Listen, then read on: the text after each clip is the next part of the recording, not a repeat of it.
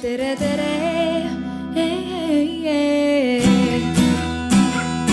Eestimaa.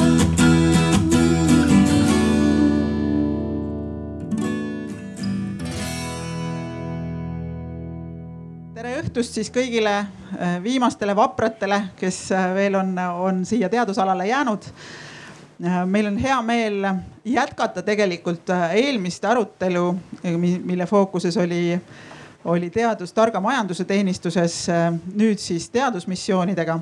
minu nimi on Katrin Pihor, olen Haridus- ja Teadusministeeriumi teadusosakonna juhataja ja ühtlasi ka üks nendest inimestest, kes on olnud vastutav praegu siis ettevalmistamisel oleva teadus-arendustegevuse, innovatsiooni ja ettevõtluse ühendstrateegia valmimise eest. Ja meie tänaseks diskussiooni teemaks on siis tegelikult teadusmissioonid. ehk siis see on üks selline võimalik juhtimisinstrument, mille kaudu me seda teaduse mõju saaksime kasvatada ühiskonnas ja mul on väga hea meel, et, et sellesse diskussiooni on andnud oma nõusoleku liituda selline väga soliidne härrasmeeste äh, seltskond et meil on äh, kohal siin oma mees Brüsselis koridorides, kes, kes teab veel lisaks sellele, et mis toimub koridorides, teab ka seda, mis toimub seal kabinettides ja inimeste peades. Äh, Tiit Jürimäe, Euroopa Komisjoni teaduse peadirektoraadi asepeadirektori Signe Ratso nõunik ja Tiit on, on tegelikult komisjoniga tööd teinud juba väga pikalt, aastast kaks tuhat seitse. Nii et, et peaks, peaks päris hästi kursis olema, mida siis Euroopa teaduspoliitikas äh, plaanitakse ja kuhu, kuhu see maailm liigub. Äh, siis on meil au tervitada siin ka äh, Eesti ühte Eesti kolmest missiooninõukogu liikmest. professor akadeemik Andres Metspalu Eesti geenivaramu isa ja, ja ma arvan, et ähm, suuresti üks, üks selliseid inimesi, kes, kes meil molekulaargeneetika on viinud Eestis või nii-öelda maailma tippu. ja, ja kolmandana on meil siin äh, siis äh, Henri Kattagu äh, Riigikantselei strateegiabüroost. Henri on olnud Eesti kakskümmend kolmkümmend viis arenguvajaduste või arengustrateegia peaideoloog ja ühtlasi ähm, koordineerib siis Riigikantselei ka teadus-arendusnõukogu tegevust, kes, kelle tegevus ka siin missioonide kontekstis võiks olla oluline ja, ja äh, määrav sellise eestvedaja rollina. Ja meie tänase arutelu keskmes on siis äh, Euroopa Liidu teadusmissioonid, aga me väga tahaksime jõuda sellest Euroopa Liidu teadusmissioonidest tänase arutelu lõpuks ka selleni, et, et kas ja mida ja, ja kuidas meil oleks äh, üle võtta ka Eesti äh, teaduspoliitikasse. Äh, missioonid, teadusmissioonid Euroopas on, on olnud ajendatud ennekõike sellest, et, et suurendada või kasvatada seda teaduse mõju ühiskonna teenistuses ja nagu me eelmises äh, diskussiooni lõpus siin ka kuulsime, et, et kakskümmend aastat oleme me rääkinud ühte ja sama juttu juba ja, ja mingeid lahendusi ei ole paistmas siis teadusmissioonid tegelikult on üks, üks selline instrument või viis, äh, mis võiks äh, neid lahendusi meil aidata pakkuda. aga, aga mis loomad need teadusmissioonid siis tegelikult ikkagi on ja kas see on, kas see on üks selline järjekordne äh, noh, selline sõnamäng, eh, mille raamidesse siis selline tavapärane traditsionaalne teaduspoliitika lihtsalt surutakse. või on see tõesti midagi sellist kvalitatiivselt erinevat ja teistsugust? Tiit, kuidas sa kommenteeriksid seda? kas on kosta? jah, siin ei peagi mingit nuppu vajutama.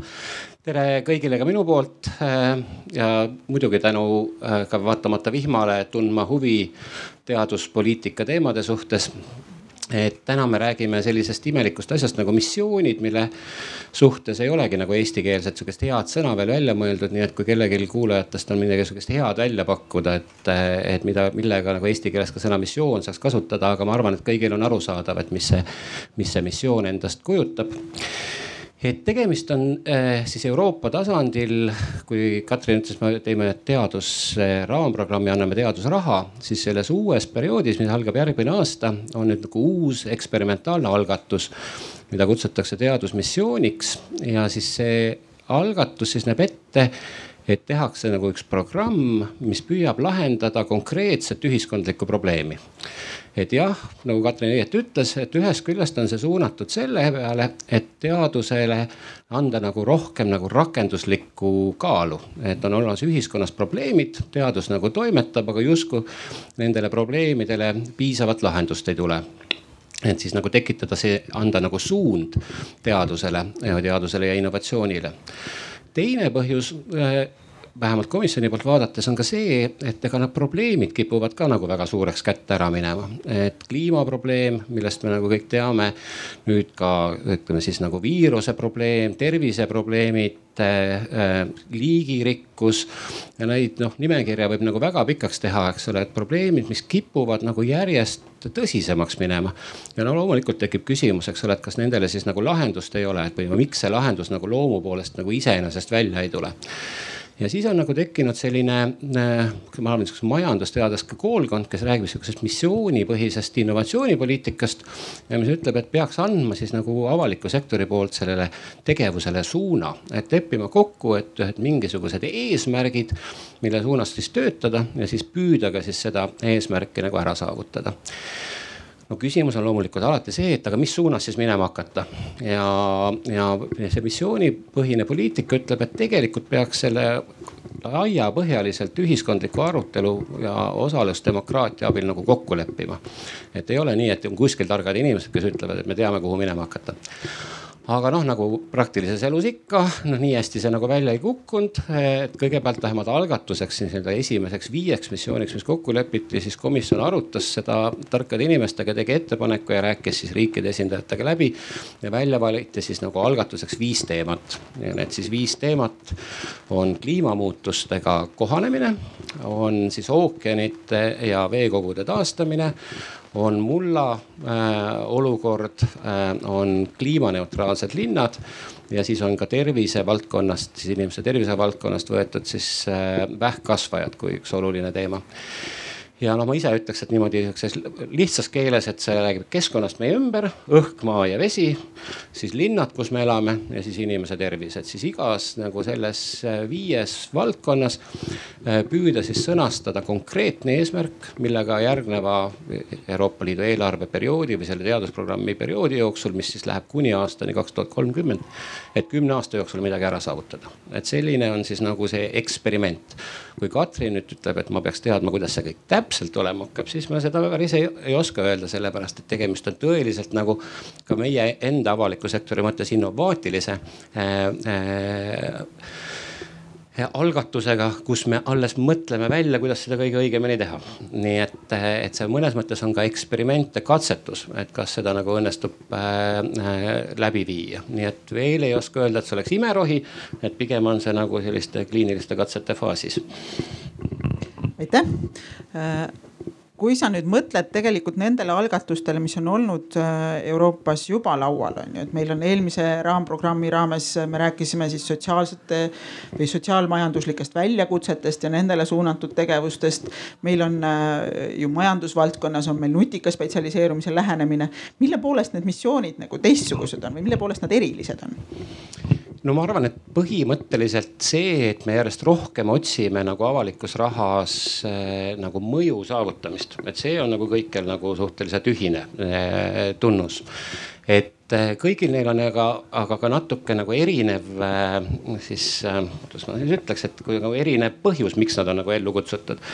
et nagu sa õieti ütlesid, et see ühiskondlike väljakutsete vaade Eh, see tekkis üks kümmekond aastat tagasi, ma arvan, et see oli just kaks tuhat üheksa, kui, eh, kui seda nagu pikemalt arutati.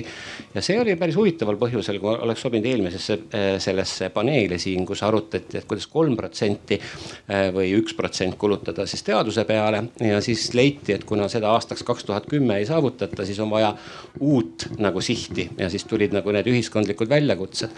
aga selle tulemusena on tõesti juhtunud, et kogu vähemalt Euroopa teaduspoliitika teaduspoliitika kõikides ka riikides on muutunud väga nagu ühiskondlike äh, väljakutsetele suunatuks. et äh, ta on tegelikult toonud võib-olla mitte nii palju lahendusi veel nendele probleemidele, aga ta on kindlasti toonud nagu täiesti uue teaduspoliitilise korralduse, kus enam ei räägita mitte niivõrd nagu distsipliinidest kui geneetika, inseneriteadused, vaid räägitakse järjest rohkem nagu, et, et me tahame saavutada siis kas siis kliimamuutustega äh, võitlemises midagi või tahame taastuvenergias, roheenergias midagi saavutada, et see järjest väljakutsete asi on nagu tulnud.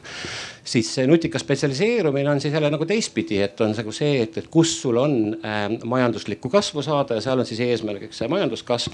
et millistesse valdkondadesse ma nagu siis spetsialiseeruma pean ja mõnes mõttes nagu missioonid oma loomult toovad need kaks asja nagu kokku. Nad ütlevad, et äh, me püüame ühiskondlikud väljakutsed äh, adresseerida, aga me teame, et see juhtub ainult siis, kui see on nagu majanduslikult äh, mõistlik. et noh, tegelikult kogu ühiskond peaks liikuma ühes suunas, nii ettevõtjad, nii erasektor.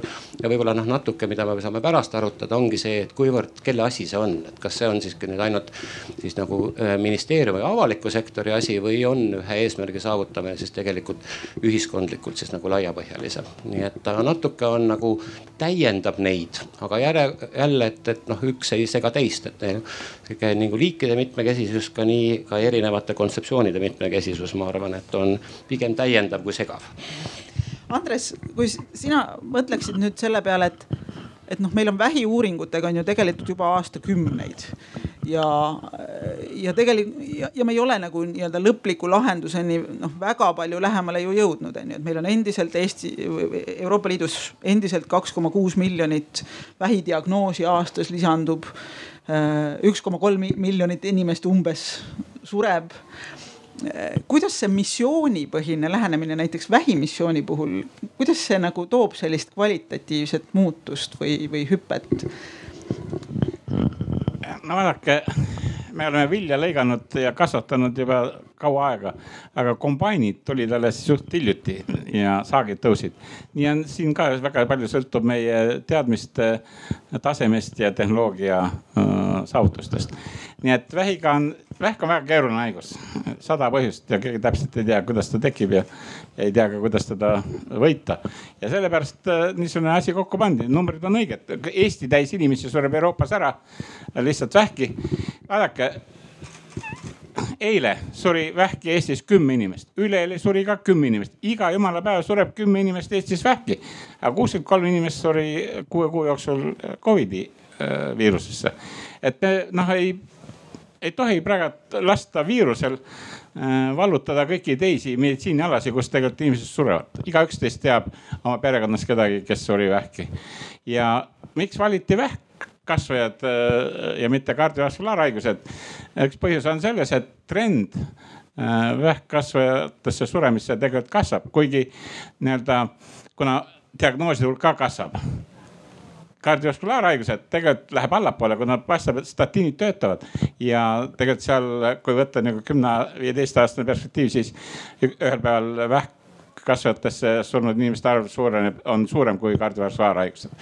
ja kuna ta on nii keeruline, siis äh, on õige sinna panustada, aga, aga mitte ainult tehnoloogia ja diagnoos ei ole tähtis. on väga tähtis on ennetus ja ütleks niimoodi, et ennetusele küll on rõhku pandud no, ka Euroopa tasemel.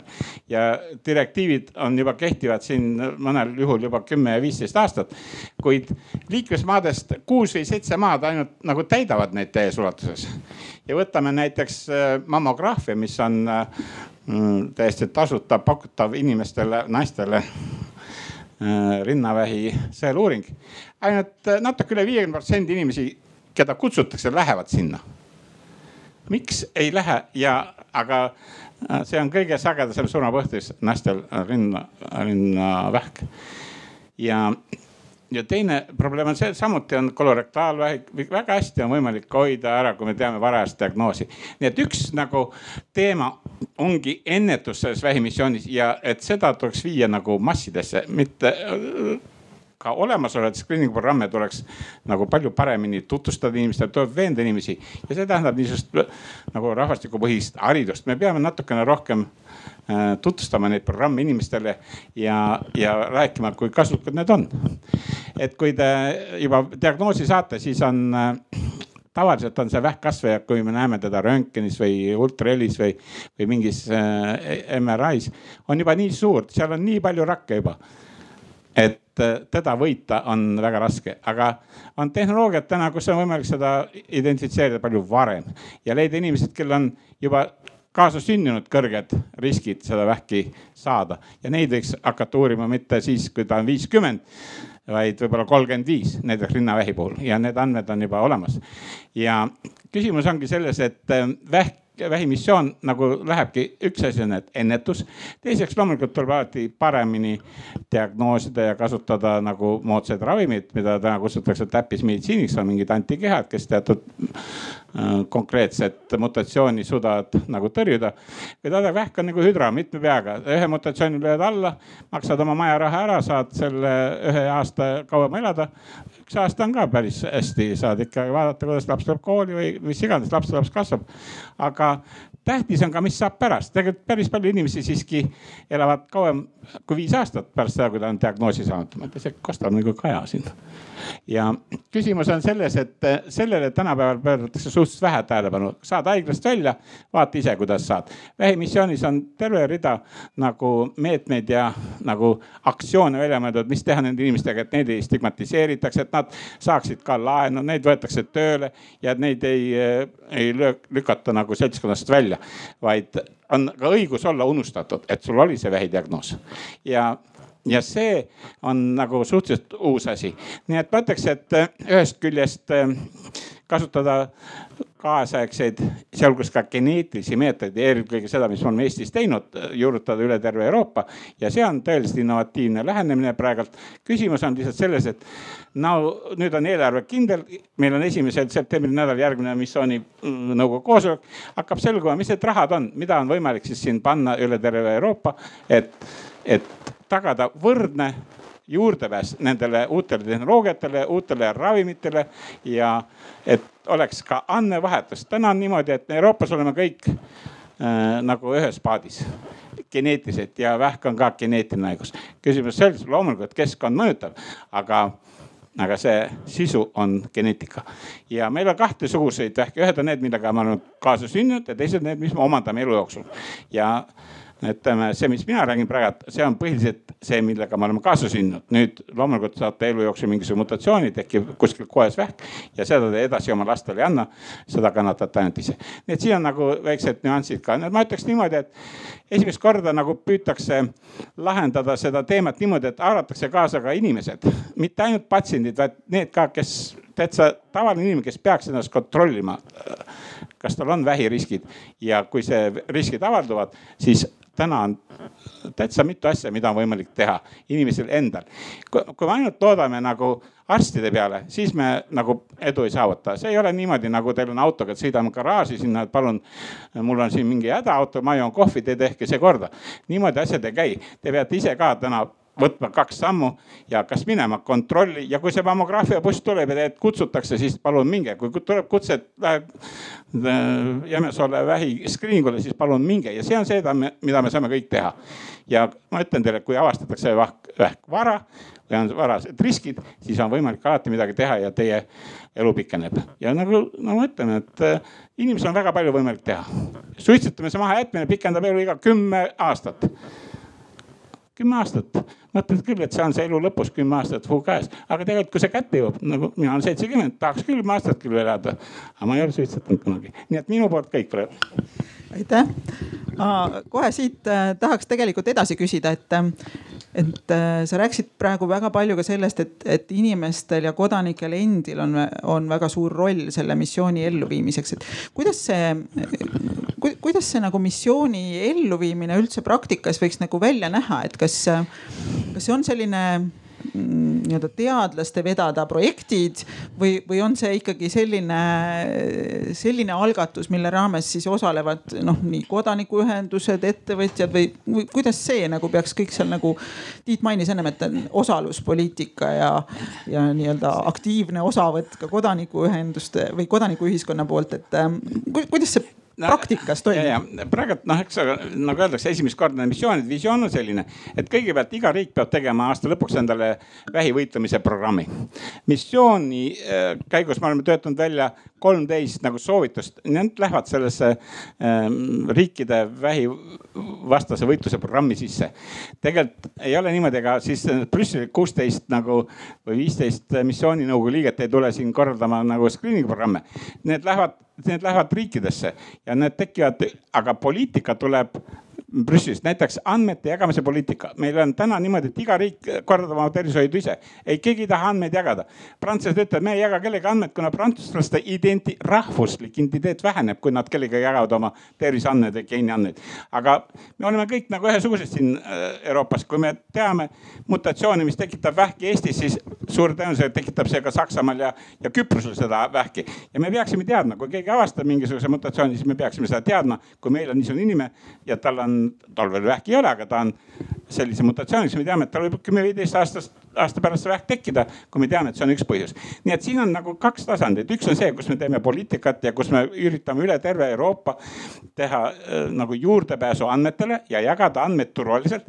teine on see, et koos, et koos noh, teine on see, et me püüame äh, uusi tehnoloogiaid teha niimoodi, et võrdne access oleks, et kui, kui kuskil noh, Pariisis või ma ei tea, Berliinis või Stockholmis midagi avastatakse, et see jõuaks ka Küprosele või Maltale või, või Portugali või, või Võrusse. ja, ja põhimõtteliselt on, see on see, mida saab teha nagu üle riikide ja, ja ühtes Brüsselist kuna vastav eelarved tekivad ja programmid.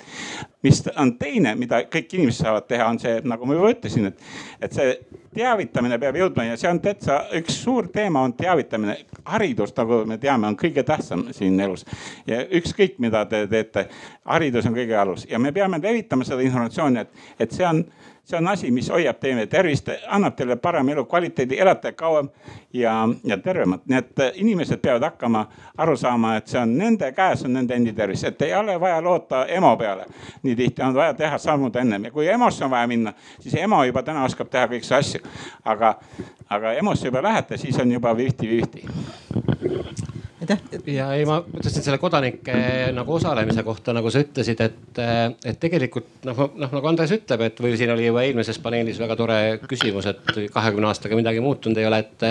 et eks see nii ole, et, probleemid on ju teada, aga, aga mis hetkel nagu inimestele see teadvustub ja mis hetkel nad hoolivad sellest, et nad osalevad eh, nii arutelus kui ka siis selles käitumuslikus eh, muutuses et missioonide eesmärk ongi nagu muutus ühiskonda tuua ja see ühiskonda muutust toomine, see algab haridusest, teavitamisest, aga ka sellest, et inimesed tunnevad, et nad on selle osa, nii lahenduse osa, ka selle probleemi osa. ma ei tea, Henri on siin kaks tuhat kolmkümmend viis Eesti strateegiat teinud, et tema juba teab, kuidas see osalemise kultuur meil Eestis on. aga eks ta nagu noh, ole, et, et ega inimesed ei niisama lihtsalt ei tule osalema, et on neid, kes osalevad, on neid, kes ei osale. aga ilma nagu seda laiema ühiskondliku kõlapinnata on selge, et nendele probleemidele lahendust vähemalt sellise mõjuga ei leia et ma arvan, et siin ongi sobiv koht äh, äh, Henrilt küsida, et, et, et kuidas sulle siis tundub, et äh, kas sellist tüüpi nii-öelda kodanikke kaasavad laiapõhjalised sellised missioonid võiks olla ka midagi sellist, mis, mis kõnetaks meid Eesti kakskümmend kolmkümmend viis kontekstis, et Eesti jaoks muidugi missioon tavapäraselt seondub sellise sõjaväelise missiooniga või me oleme siin üheksakümnendatel missimissioonidest rääkinud, aga et noh, meie sihukesest teadusmissioonidest ei ole seni nagu juttu väga palju olnud. et võib-olla sa kommenteerid ühelt poolt nii seda, et kuidas Eesti kakskümmend kolmkümmend viis raames see selline kodanike kaasamine on, on toimunud ja kuidas, kas, kas inimesed on omaks võtnud Eesti kakskümmend kolmkümmend viis aitäh, tere õhtust minu poolt ka. Äh, ma alustuseks ütlen äh, Tiidule võib-olla täienduseks seda, et, et noh, mis, mis see vahe on siis sellises suures poliitilises lähenemises äh, võrreldes siis senisega on see, et, et need missioonid on noh probleemipõhised peaksid olema, et me teaduspoliitikat oleme juhtinud siin küll niimoodi nagu valdkonnapõhiselt tegevusvaldkondade lõikes, me oleme vaadanud tehnoloogiaid, üritanud seal teha mingisuguseid valikuid, panustada kuhugile, äh, rahastada mingisuguseid enda tugevusi. et äh, nüüd on aru saadud seda, et paljud need probleemid, millega riigid rinda pistavad, on lihtsalt nii interdistsiplinaarsed, et ei piisa ainult sellest, et me arendame ühte konkreetset tehnoloogiat riigis või, või ühte tegevusvaldkonda, vaid see põhiküsimus on, et kuidas panna need erinevad valdkond just äh, nimelt äh, tööle selle äh, keerulise probleemi lahendamiseks ja, ja, ja Matsukato hakkas seda müüma pärast eelmist majanduskriisi. küll selline noh innovatsioonimissioonide nime all esialgu, et Ähm, äh, üldine tunnetus äh, ka riikidel tegelikult ja ka Eestil on see, et, et tegelikult, kui me räägime riigi sellisest pikast kestmisest ja pikast plaanist, siis need mured, mis meil tuleb nüüd kasvõi kümne-viieteist aasta perspektiivis lahendada, on need siis elanikkonna vananemisega kohanemine, on äh, see meie looduskeskkonna mitmekesisuse säilitamine, kvaliteetsem ruum, taristu, rahvatervise mured.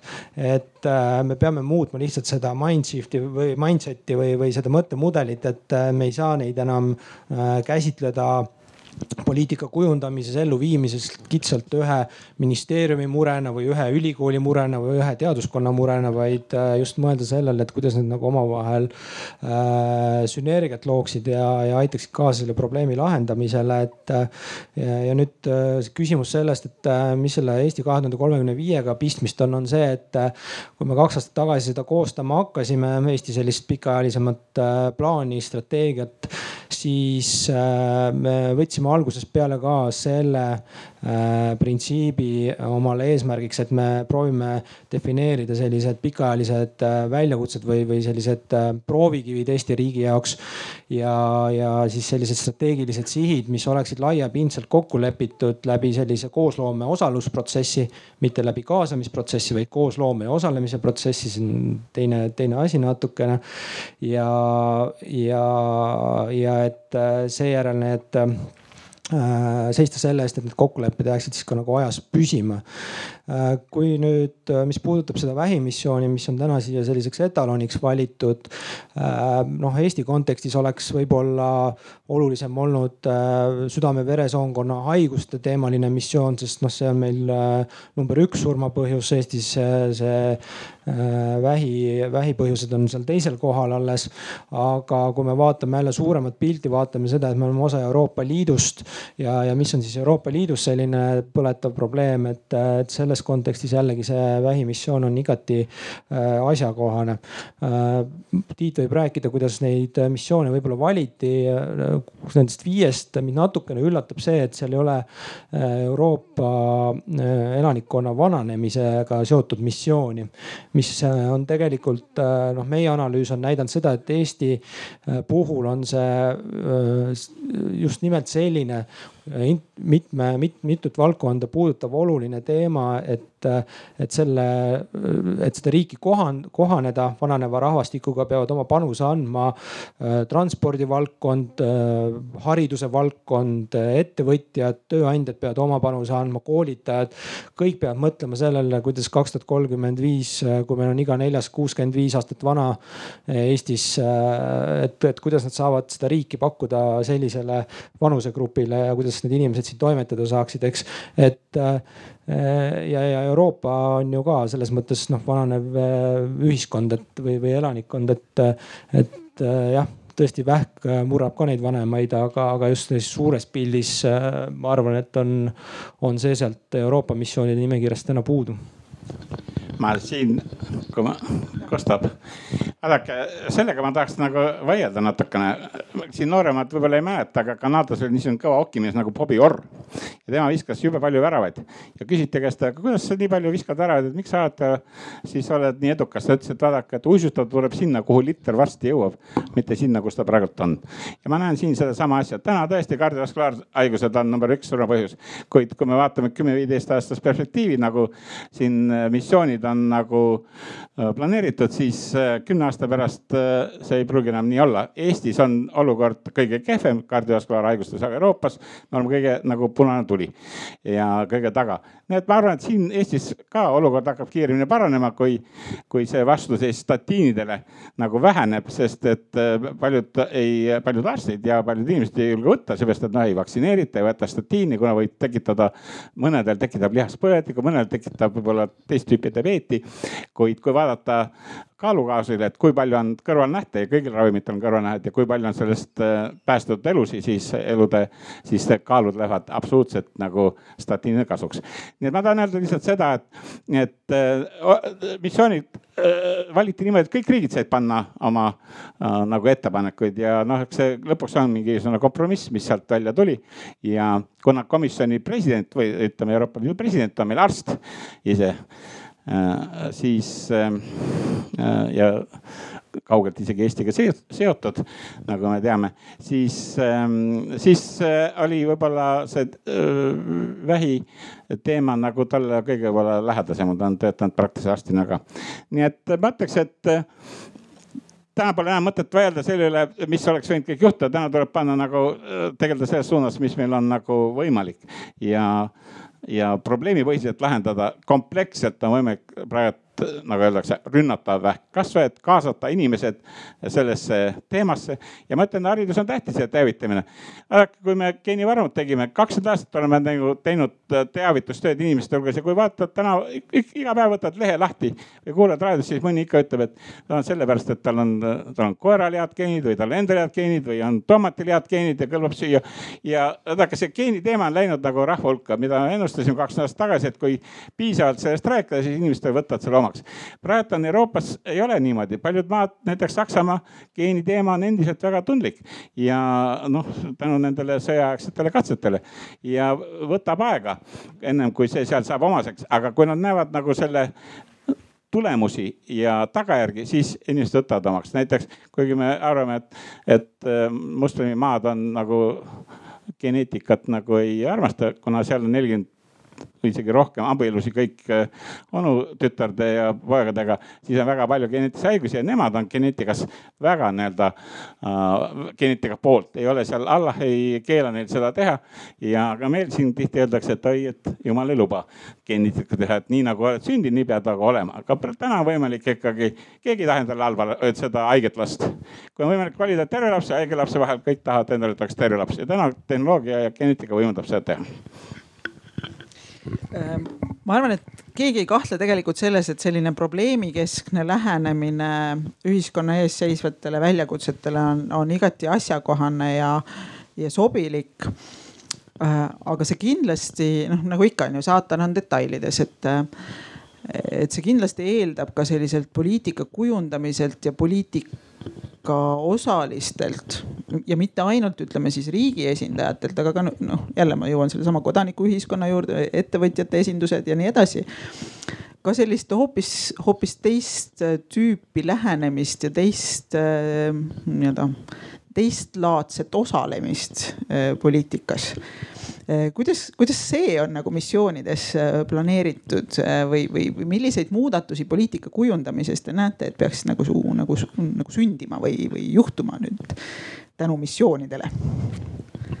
no ma jah, komisjoni poole pealt võin öelda, et ega, ega siis teatud mõttes nagu, kuna tegemist on selles mõttes innovaatilise ettevõtmisega. et esimest korda, et võtame ette ja katsetame, et on mõlemat, on entusiasmi ja on skepsist. Nende entusiasmi nagu selle koha pealt, et kui ma vaatan neid erinevaid missioone, siis seal on nagu kõik need, meil on, kutsutakse peadirektoraatideks, siis Eesti kontekstis ministeeriumid on kõik huvilised on kohal. et näiteks linnade missiooniga on üle kümne erineva erineva siis selle poliitilise ministeeriumi seal siis kohal. ja kõik siis nagu arutavad, aga skepsis nagu selle koha pealt ütlevad, et aga arutame nüüd ainult seda teadusprogrammi osa siin. et meie poliitikat, mis meie teeme, eks ole, need on väljaspool seda, et noh, et ikkagi nagu veel vaadatakse seda, et kas sellest siis nagu muut-, juhtub selline, selline üldine eesmärk, mille suunas me lähme ühiselt või teeme siis nagu selle väikse sellise esimese sammu nagu koos. et eks siis see olegi nagu üks suur katsumus, et kuidas seda siis seda valitsus, valitsemist kokku panna niimoodi, et siis ka koos minema hakatakse, et, et otseselt keegi ju vastu ei ole, eks ole, sikutatakse nagu tagasi.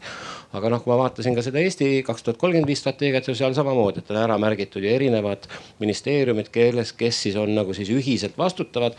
Aga noh, ühisvastutus on natuke alati teist kui keegi otseselt vastutav, nii et praegu meil Euroopas siis selle missioonide nagu valitsemist ka hakatakse arutama, et kuidas siis seda ellu viia, et sealt saab olema nagu üks selline missioonijuht lisaks sellele missiooninõukogule, kus äh, Andres ja, ja meil kaksteist on äh, liikmed või need erinevad, igal missioonil on oma viieteistliikmeline nõukogu.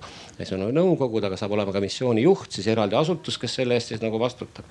ja no umbes ühe miljardi suurust eelarvet on siis nagu nii-öelda praeguses kontekstis nagu nähakse ette, eks ole, et igal missioonil oleks siis ka selline, selline nagu raha kasutada, millele siis loomulikult peaks lisanduma siis ka nii erasektori, riikide enda äh, poolsed investeeringud, ka teiste teistest siis allikatest kui ainult teadusprogrammist. et eh, ta nagu on nagu katsetav, aga see põhimõtteliselt ta püüab siis ühest küljest nagu tekitada usku eh, sellisesse lähenemisse teistpidi siis ka demonstreerida väga selgelt ka neid vahesamme, et jah, me, see on võimalik saavutada, siis me saavutame seda ja noh, mida rohkem on sellist nagu tulemust näha, seda rohkem ka on, on ka raha äh, ilmselt siis nagu juurde tulemas.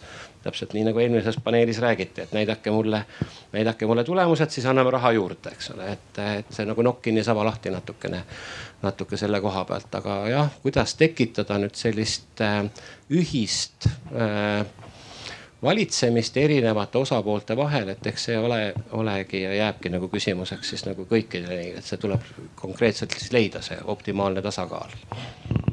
Ma olen äh, selle kahe tuhande kolmekümne viie noh koostamise nendel seminaridel, üritustel ka hästi palju äh, rääkinud tegelikult sellest, et äh, et kuidas me üldse oma riigist ja iseendast nagu mõtleme Eestis. et me kuidagi igapäevaselt äh, ei mõtle väga nagu pikalt ette, hästi palju kohtab ikkagi seda suhtumist igal pool, et äh, võib-olla homme kukub kivi pähe ja ei ole mõtet siin plaane teha ja, ja teeme plaane, jumal naerab ja, ja, ja hästi palju on kuidagi nagu sellist suhtumist ja, ja samas äh, me ju tegelikult oleme iseseisev riik. et äh, vahel jääb mulje, et me endiselt nagu ootame, et keegi teeks meie eest plaane ja mõtleks tulevikule ja nii edasi, mõtleks meie tervisele näiteks, eks. ja, ja noh, selles vähi, vähiteema kontekstis ka, et noh, eestlaste selline tervisekäitumine on tegelikult äh, üsna ennasthävitav, et meie selline tervena elatud eluiga on seal viiskümmend neli koma kaks eluaastat äh, endiselt, eks see ei ole paranenud viimase kümne-viieteist aasta jooksul. Äh, noh, needsamad äh, südame-veresoonkonna haiguste põhjused, vähi osad põhjused, nii edasi, nii edasi, tulenevad meie enda tervisekäitumisest, tulevad sellest, et me suitsetame, tulenevad sellest, et me joome alkoholi, et me liigume vähe, sööme rasvast toitu, nii edasi, nii edasi ja me ometi teame ka, et kõik see kahjulik on, aga mille pagana pärast me seda teeme, eks iseendaga. ja, ja ka vigastussurmad Eestis on need mingi top, ma ei tea, kas ta on neljas või viies koht on igasugused traumad ja vigastused äh,. miks me ei hoia ennast, eks ja, ja, ja, ja selles mõttes äh, nüüd küsimus selles lihtsalt, et, et kuidas siis panna kõik selle ühe eesmärgi suunas äh, liikuma. ma arvan, et võtmeküsimus on äh, see, et iga inimene peaks minema peegli juurde ja, ja, ja vaatama ja küsima endalt, et mis on tema igapäevased valikud et kas ta sõidab äh, Tallinnasse ja Paidesse saja kümne alas saja seitsmekümnega ja turvavöö on lahti. kas ta lõunat süües äh, võtab selle rasvase burgeri või, või võtab vähe tagasihoidlikuma salatikese või, või kas ta õhtul teeb selle klaasi veini või ei tee kolmapäeva õhtul, eks, et noh, mille pagana pärast sa kõrgharidusega inimene seal kolmapäeva õhtul seda veini üldse jooma pead, eks. et, äh, et noh, need ongi äh, tegelikult need, see, mida me soovime nagu seda muutust enda rahva seas lihtsalt nagu esile kutsuda, et me mõtleksime natukene rohkem läbi selle, et kui palju meist endast sõltub äh, meie püsimajäämine, meie riik, nii edasi, nii edasi, et noh, see meie eest ei tule keegi neid plaane tegema, meie eest keegi meie tervise eest ei tule hoolitsema ja nii edasi, et see Euroopa vähimissioon, see võib olla, eks. aga, aga päeva lõpuks on meil täna endal see riik käes, me peame ise neid valikuid tegema ja otsuseid tegema aitäh, ma vahepeal pakun võimalust ka äh, publikul sekkuda, küsida äh, andke käega märku, kui, kui teil on äh, tähelepanekuid või soove midagi täpsustada.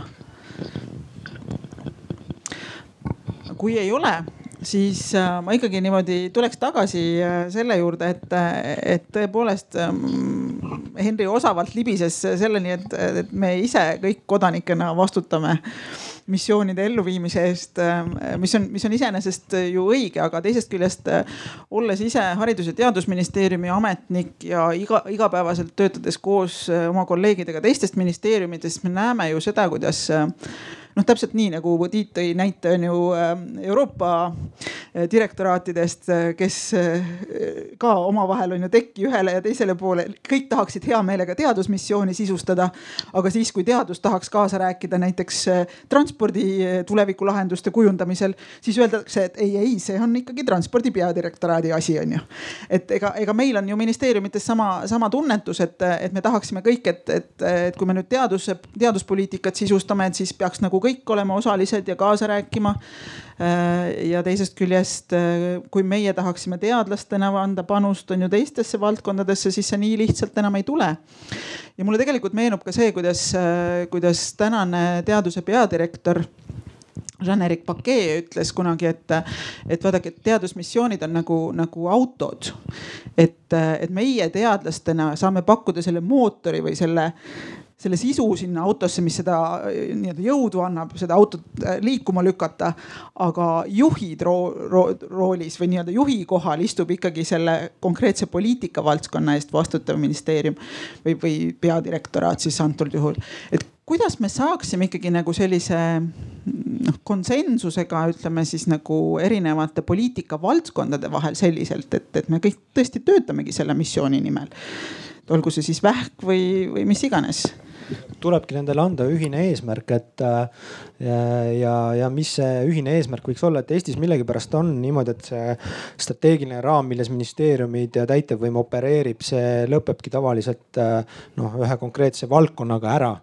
ja, ja noh, samas äh, nüüd see, mis ma siin nagu olen ka noh välja öelnud, et kui me räägime näiteks sellest elanikkonna vananemisest, sellest trendist Eesti Vabariigis, siis see ei ole tegelikult sotsiaalministeeriumi mure üldse, et me kuidagi by default võtame, et see on sotsiaalministeeriumi mure, et mingid pensionid, mingid sotsiaaltoetused, see on kõik seal, et las nad tegelevad seal ei, äh, see tegelikult, äh, et Eesti ühiskond sellega toime tuleks, peavad oma panuse andma Majandus-Kommunikatsiooniministeerium. Nad peavad juba õige pea muutma näiteks oma ühistranspordi äh, sõidukite hankeid, et nende tavaliste odavamate, ma ei tea, busside hankimise asemel tuleb hakata harjutama mõttega, et tuleb osta kallimaid madalapõhjalisi busse, et inimesed üldse Eestis tulevikus nagu liikuma saaks, eks, et. või on see haridusministeeriumi mure, eks, et me räägime ja sellest, et me tahame hõivesse tuua mingisugused sihtgrupid Eestis tööturul, et oleks töökäsi ettevõtjatel. Äh, me peame väga täpselt mõtlema, kuidas me saame vanemaealisi tuua tööturule, kuidas me saame mingeid nooremaid sihtgruppe, kes seal täna eemalt on, tuua tööturule. Äh, samamoodi on see maksusüsteemi küsimus, et kui on palju nii-öelda pensioneerunud inimesi riigis, kes siis kõiki asju üle, ülal peab, eks, et, et see on ka rahandusministeeriumi mure, et, et, et täna ongi just see kiht on nagu meil siseriiklikult puudu, et, et majadel ei ole sellist nagu ühtset noh eesmärki olnud, et, et ja, ja, ja nendel on pigem noh omavahel ju konkurents ka selles eelarveprotsessis, mis on selline konkurentsipõhine, et noh. ta ühest küljest teeb kindlasti nagu head ja sunnib nagu valdkondi üksikult pingutama, aga nad ei soodusta kuidagi äh, koostööd jah, koostööd on äh, tõesti vaja rohkem ja hakkab juba ministeeriumitest pihta. vaata ministeerium on nii nagu, nagu asi iseeneses. ministeeriumi vastutusala lõpeb, kui paneb ukse väljapoolt kinni. praegu on näiteks teadus-arenduskorralduse seadus on lahti võetud, eks.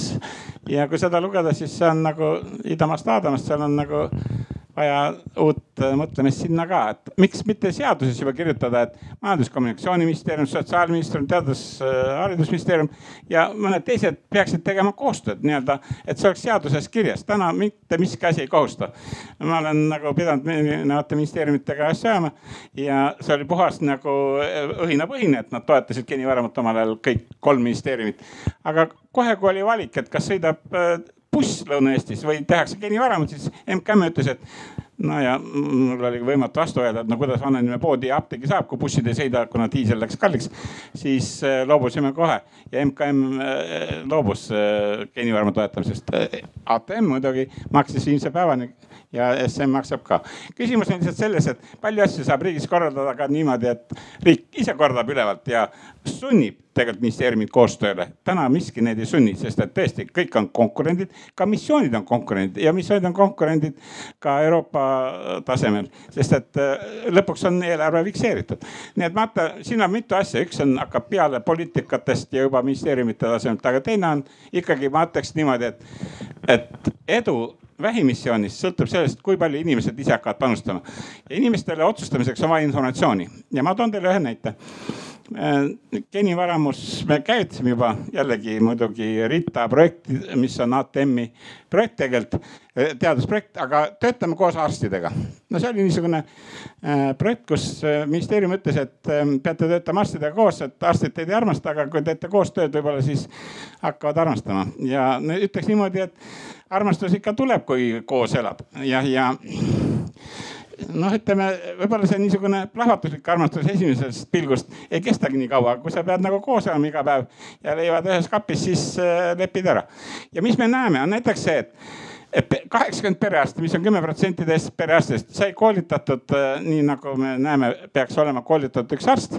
ja see ei olnud ei tea mis sadu tunde, see olid äh, mõned seminarid ja nüüd kutsusime välja äh, inimesed, äh, kellel kõrge geneetiline risk mingiks noh kardiovaskulaalhaiguseks ja arstid vestlesid nende inimestega ja ütlesid, et vaadake, et teil on kõrge risk ja kui te võtate kehakaalus alla näiteks kolm kilo, teie risk võiks väheneda.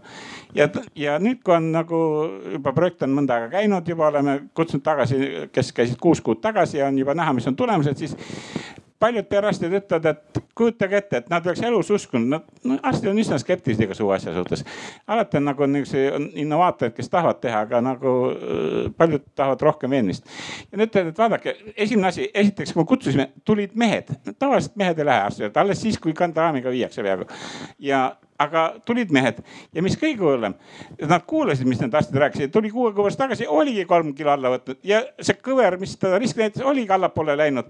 ja kõik olid õnnelikud, arst õnnelik, et esimest korda näeb midagi, et elustiili muutus juhtub. Sest kõik arvavad, et meile muudkui räägitakse, et, et jookse rohkem, söö vähem, maga kauem jätta suitsetamine maha, aga me näeme, et kehakaal kogu aeg kasvab keskmiselt, vöö ümbermõõt läheb suuremaks ja midagi ei juhtu. me oleme seda rääkinud kolmkümmend aastat, need epidemioloogid. aga see on niisamuti, panete sildi välja, aga kui sa nüüd ütled konkreetselt, et kuule, sinul on see probleem, et sul on siin nihuke variant ja, ja vot näiteks sellel tüübil seal ei ole. ja sina pead seda tegema ja kujutage ette, inimesed usuvad seda, et see kulu käib nende kohta ja nad võtavad ette asju. ma ütlen, ma ei ole ka nii, ma olen ikka väga optimist, aga ma ei ole ka nii optimist, et sellest nüüd piisab ja ma arvan, et meil on vaja tekitada Eestis uus eriala, mis on nagu tervisenõustaja perearstidel on, aga noh, nendel on sealt tööd üle pea. aga on vaja mingit uut niisugust medkooli tasemel äh, inimest, kes on hea kommunikatsioonivõimega, et kui sa ikka kolm nädalat ei ole seal trennis käinud ja me näeme sellest telefonist, et ja noh, näeb see jälle siis tervisenõustaja, et sa oled jätnud trennid vahele, saad ikka telefoni telefonikõnet, kuule, sa ikka tõsiselt mõtled oma teist tüüpi diabeedi peale, et, et äh, sul võidakse jalg maha võtta, ütled, kui sa ei, ei tee seda asja. ja kui kolm aastat läheb ja oled harjunud nagu seda elustiili harrastama, siis võib-olla saad neid kõnesid vähem. nii et ma ütleks, et me peame inimesi veenma oma tervisesse rohkem panustama, mitte ainult see, et me maksame maksu, vaid me peame midagi tegema ise aktiivselt vaadake, autot käiakse tehnilises hooles iga jumala aasta, kui on natuke vanem auto ja ülejäänud käivad üle kahe aasta. aga inimestel meil seda nii-öelda ainult teatud asutused korraldavad seda, üldist niisugust äh, kontrolli ei ole. meil oleks vaja, meil on vastsündinute kontroll täielik, inimene sünnib kohe esimesel viie peal võetakse proov, vaadatakse tal kakskümmend haigust, mis on kõige levinumad ja niisugused ravitamad haigused, kas tal on, aga meil oleks vaja vaadata kõiki inimesi ja sealhulgas täiskasvanud inimesi. ja põhimõtteliselt igalühel on mingidagi, mis on äh, võimalik äh, teha inimesel endal ja arstidel ka, mõned ei kannata mingit ravimit, täna me ei teada, millised ravimid ei kannata inimene. aga talle ikka kirjutatakse välja, sest niimoodi näeb ravijuhend, aga ravijuhend on tehtud massi järgi, aga meie, meil ei ole mass, meid ei huvita keskmine palk kedagi, meid huvitab, mis minu palk on. ja niimoodi ei huvita ka palju keskmiselt inimesed võtavad ühte või teist antidepressanti. on vaja teada, missugune mulle mõjub ja milline on mulle kahjulik. ja vot see on see informatsioon, kui see jõuab inimeseni, siis inimesed hakkavad seda tegema ja siis me näeme efekti alles tõeliselt mass, massiefekti. aga kui me räägime ikkagi, et no, söö vähem, jookse rohkem, midagi ei juhtu ei, ma arvan ka, et äh, inimeste nagu äh, kutsumine ja kuidagi kaasamine inimesi osalema, et see on üks võtmeasju, et kas ta tuleb läbi hariduse. aga üks võib-olla sellise missioonipõhilise innovatsiooni piloot, pilo, äh, innovatsioonipoliitika vaatenurk on ka see, et, et peab tegelema asjadega, kus on ühiskondlik valmisolek, ehk siis põhimõtteliselt peaks olema ka nagu uued teenused ja tooted, mis turule tulevad. et nad, sa lihtsalt ei püüa ära keelata, vaid sa püüad ka siis äh, soodustada ja stimuleerida, et oleksid sellised asjad, noh meil näiteks tulevad, on nad siis mingid äpid, on nad siis mingisugused äh, äh, tervisetooted, need asjad, mis panevad sind nagu mõtlema, aga millega saab natuke raha ka teenida. nii et ta ei olegi lihtsalt ainult sihuke nagu paha asi, vaid et sa saad ka nagu positiivselt eh, osaleda, olles midagi võib-olla vähem suhkruga tarbinud või uude spordiklubisse läinud, mis on nüüd moodne ja ainult kutsega või ja nii edasi, eks ole, et seal tegelikult on olemas ka selline majanduslikult eh,, eh majandust soodustav moment juures, et sellisel juhul on loota, et ta läheb nagu rahva sekka. sellega ma absoluutselt absoluutselt nõus, et meil on, me ei saa loota sellele, et äh, hakkame inimestele müüma olemasolevaid teenuseid. mäletate, jällegi siia on noored inimesed võib-olla mäletavad, mis asi on iPod. ja kui Steve Jobs seal välja mõtles, ütles, et teeme iPodi, siis äh, no tema nagu turundustüübid ütlesid, et aga me peame tegema turu-uuringu, et kas inimesed seda tahavad. ta ütles, et pole mõtet teha, keegi ei tea, mis iPod on, keegi ei taha seda. aga me tekitame nõudluse. ja kui nad ükskord hakkasid seda müüma, siis esimese päevaga müüdi kuusteist miljonit kohe. ja see tähendab seda, siin on ka, me peame peame tegelikult tekitama nagu selle olukorra, et inimesed tahavad seda ja peame näitama, et see on see, mida neil on vaja. ja seda saab teha läbi avaliku teavituse, hariduse ja, ja teavitamine. televisioonis tuleb rääkida, Aktuaalne kaamera lõpeb ära. ilmateat lõpeb läbi ja siis mitte ei näita mingit kiigeplatsi, vaid näitame seda, mis on vaja tervisega teha äh,. reklaamiminutid Äh, missioonidele, et äh, tegelikult nende teadusmissioonidega, noh, seal on ka omad riskid olemas, et äh, mida, mida, mida see teooria juba sisaldab, et esiteks need institutsioonid, millelt me ootame nende missioonide elluviimist. põhiküsimus on, et kas nad on päriselt ka valmis nendesse missioonidesse panustama, sest nende missioonidega kaasnevad ka omad riskid ju, risk ebaõnnestuda.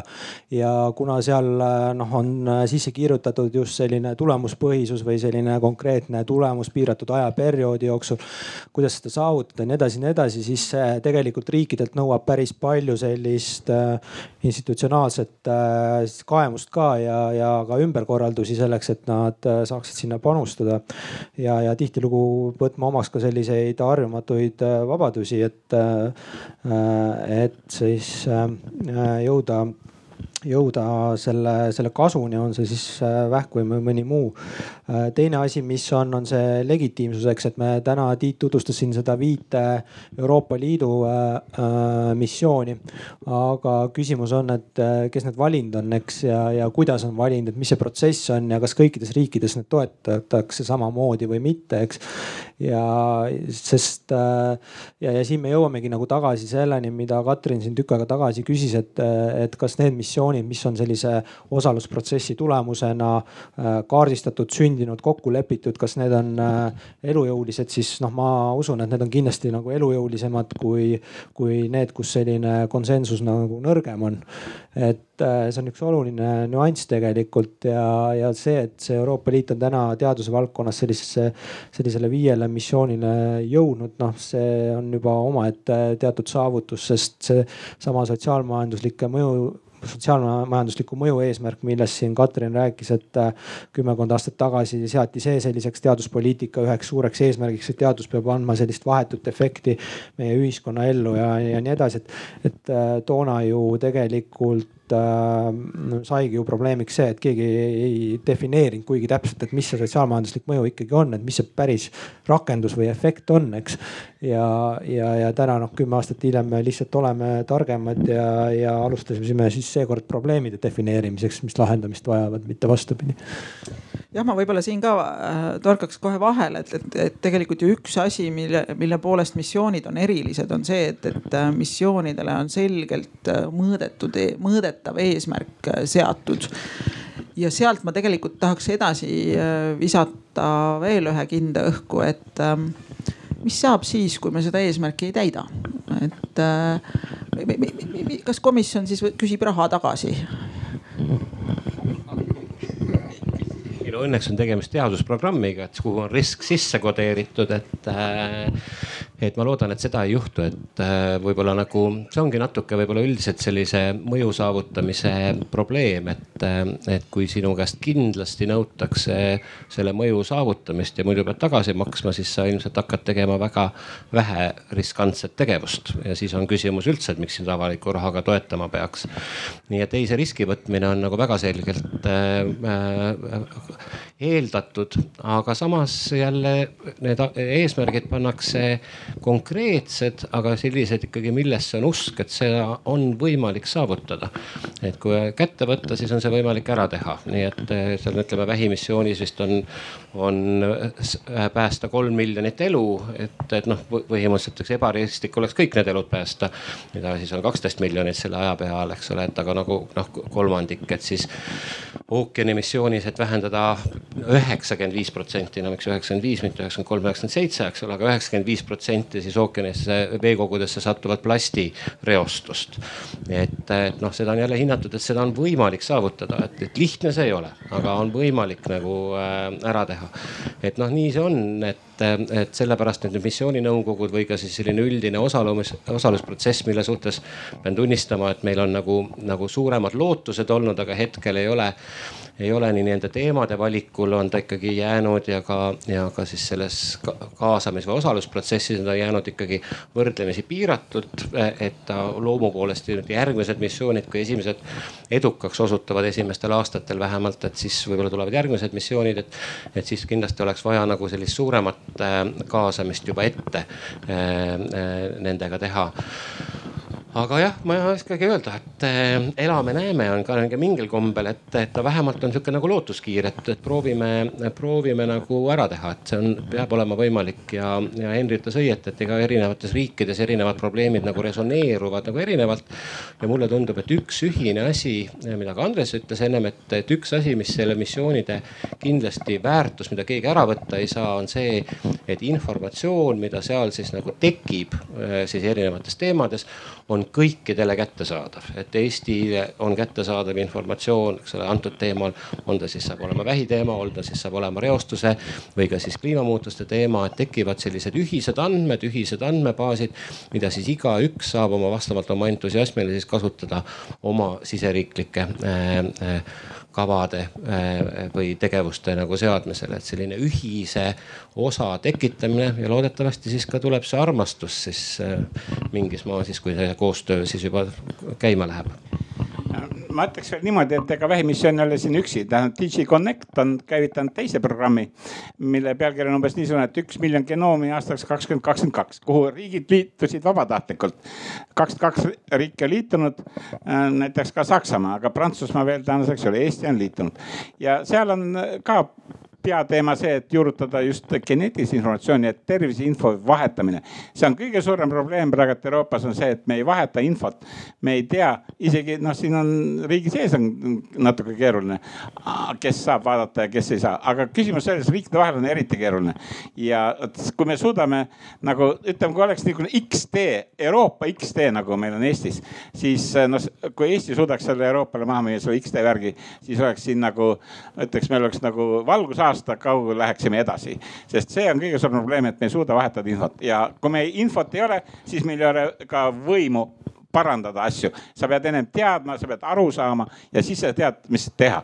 ja kui me siin igaüks nokitseme nagu siin omas nurgas ja infot ei vaheta, siis me nii jäämegi ja inimesed äh, surevad lihtsalt seetõttu, et me ei suuda kokku leppida, see on, see on õnneks on neid teisi programme väga Euroopas, mis on omavahel seotud ja, ja riikides seotud, aga ma ütleks, et missioon õnnestuks näiteks noh, et mm, üldse Euroopa tasemel ja igas riigis eraldi see vähiprogramm näiteks. etteotsa on vaja karismaatilist, entusiastlikku tüüpi, kes tahab seda teha kõige rohkem siin maailmas, mitte ei käi üheksast viieni tööl, vaid tahab seda teha. Ja tuleb niisugune leida niisugune tüüp. Ja siis asjad hakkavad juhtuma. aitäh, ma äh, siia juurde tegelikult äh, paneks ka, meil, meil korra käis juba läbi vestluses, et, et kui me võrdleme näiteks vähisurmasid koroonast tingitud surmadega kasvõi siinsamas Eestis.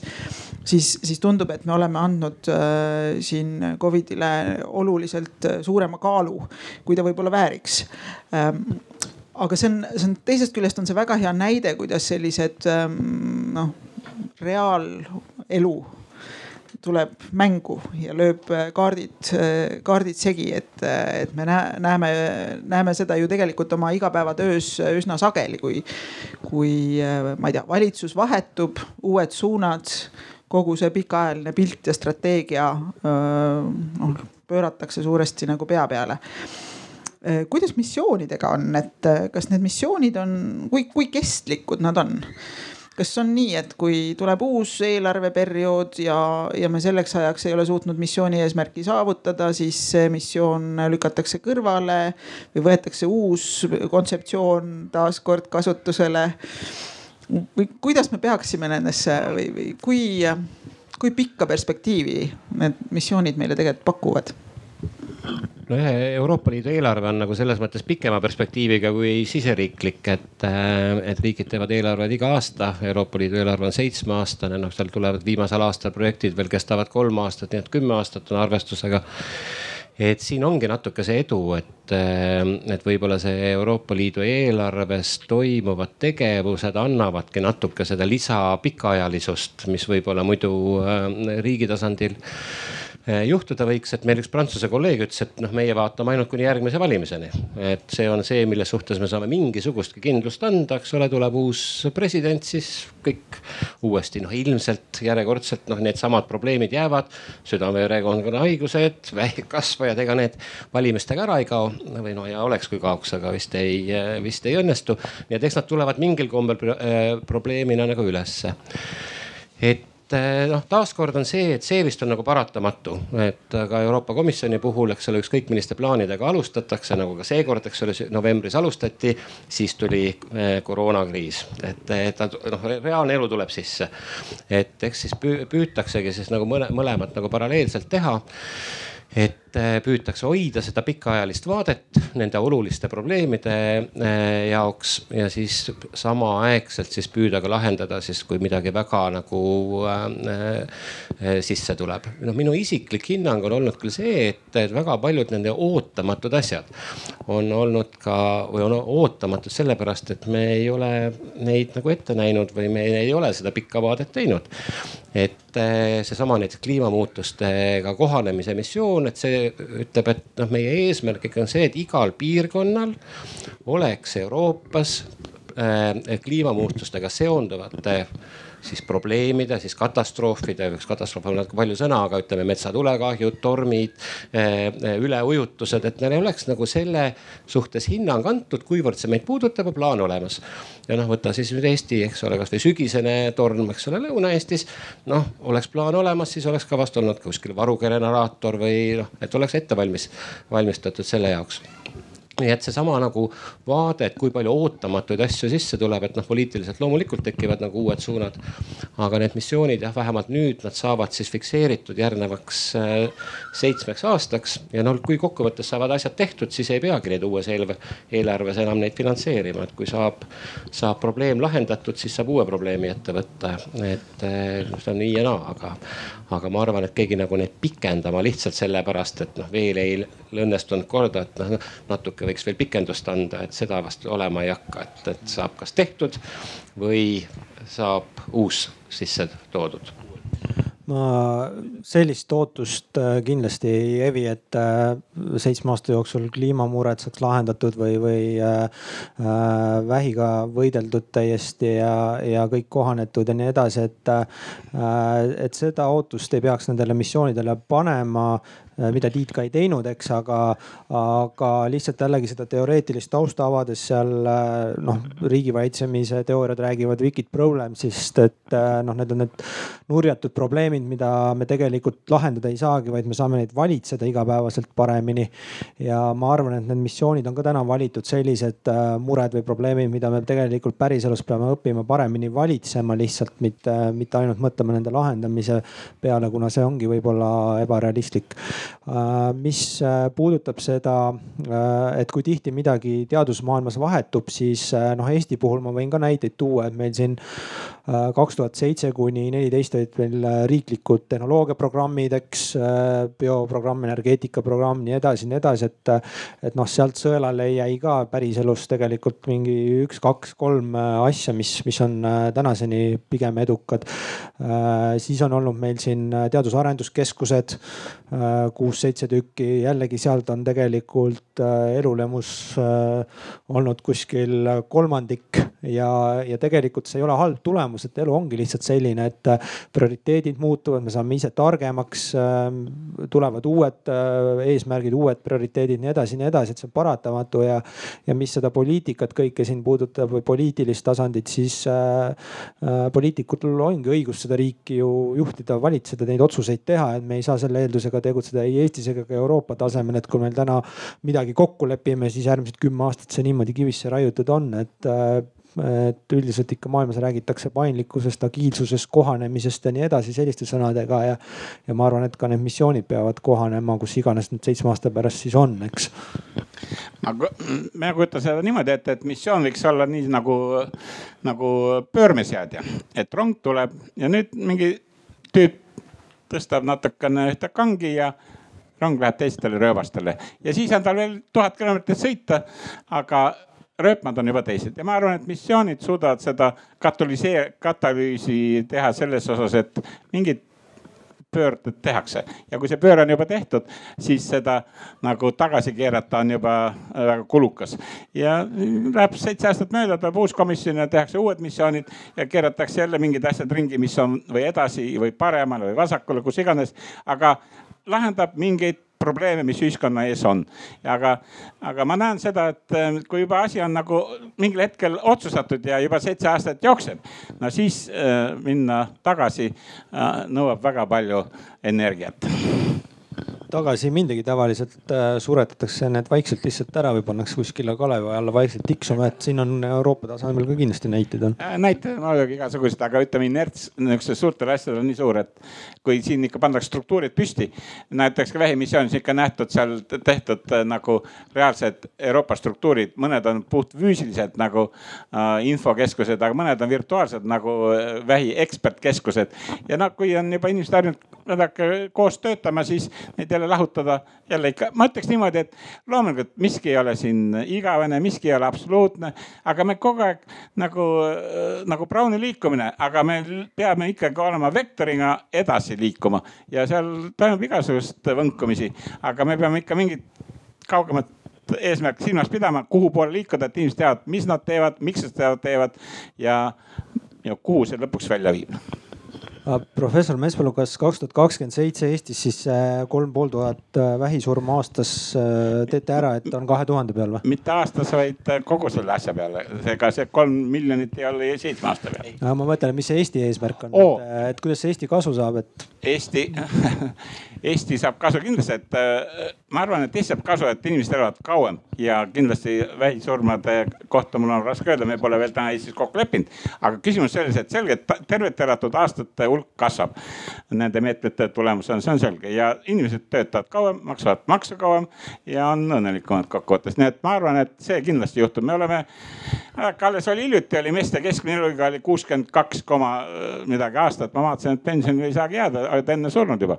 aga nüüd on meestel ka juba seitsmekümne ligi ja meil on veel naistega muidugi on seitse aastat oleme taga. Äh, mingit äh, sugude võrdsust siin ei ole, aga, aga püüame, jõuame neile järgi. nii et küsimus on selles, et mitte eluiga kui selline, ka arenenud maades on elu, eluea kasv nagu pidurdunud. tähtis on elada tervelt mina tahaks jääda hommikul haigeks ja lõunaks surnud, ma ei taha olla kuskil haige, keegi peab mind toimetama seal. lõpp peaks olema kiire nagu males aga ma arvan, et selle võib küll äh, üles tähendada, mis Henri ütles, et äh, kui siin seitsme aasta pärast äh, jälle Arvamusfestivalil kokku saame, et siis vaatame, kuidas see statistika on, et kas on kolme tuhande pealt kahe tuhande peale tulnud, et see nagu ütleme, sihuke proportsionaalne eesmärk oleks. Aga ma vahepeal jälle suunan tagasi publikusse, et kas on kellelgi tekkinud vahepeal mõtteid, mida tahaks jagada või küsida panelistidelt? Ei ole, kõik on, kõik on selge nagu vesi ja kellelgi ei ole äh, kommentaari no aga me alustasime ju tegelikult tänast diskussiooni just nimelt sellest, et, et see on väga lähedane värk, et tuleb kodus tele, peeglisse vaadata ja, ja mõelda, et mis, mis me ise teha saame, aga ma tulekski võib-olla selle koha pealt uuesti tagasi selleni, et, et, et noh, meie siin nii-öelda kas teaduses tegijatena või teaduspoliitikas olla kaasa, kaasas olevate inimestena. noh, meie jaoks see kuidagi kogu see dis diskussioon on ju selline noh, me oleme neid materjale lugenud ja teame, mis need missioonid on, aga kuidas me ikkagi jõuame selleni, et need, need inimesed, noh minu mõte nagu liigub ka sinna suundas, et on ju meil vist Eesti kakskümmend kolmkümmend viis äh, selles koosloomeprotsessis osales mingi seitseteist tuhat inimest Euroopa äh, missioonide raames, ma ei tea, kas sa Tiit oskad öelda, kui palju seal neid inimesi oli, et et tegelikult see on ikkagi nagu noh, väga piiratud hulk inimesi, kes, kes kaasa räägib ja kujundab neid missioone, et kuidas me siis ikkagi jõuame selleni inimeseni, iga inimeseni, kes peaks kodus peeglisse vaatama? ega need, kes kaasa räägivad, need on äh, ikkagi ju selline noh, ma ütlen, et esinduslik valim, et, et see seitseteist tuhat on Eesti puhul päris äh, suur number ausalt öeldes, kui me vaatame seda, et äh, mingisuguseid äh, poliitikapolle ja, ja nii edasi uuringuid, analüüse tehakse meil tuhande viiesajaste valimitega Eesti Vabariigis, eks. et seitseteist tuhat inimest oma sõna sekka on ütelnud, see on, see on väga-väga suur number Eesti kontekstis aga mis see noh, siin härra eest ka ütles, et, et nii kauge värk, et noh, mis see siis nagu inimkeeli tähendab, et tegelikult äh, kuna see on Euroopa raamprogrammi üks sihuke sektsioon on siis need missioonid, et siis see tähendab, et Eesti teadlased saavad siis järgmise seitsme aasta jooksul raha selleks, et tegeleda vähiteemaga, tegeleda kliimamuutustega kohanemisega, Läänemere tervisega meie kontekstis, targa linnaga ja muldade uurimisega, eks.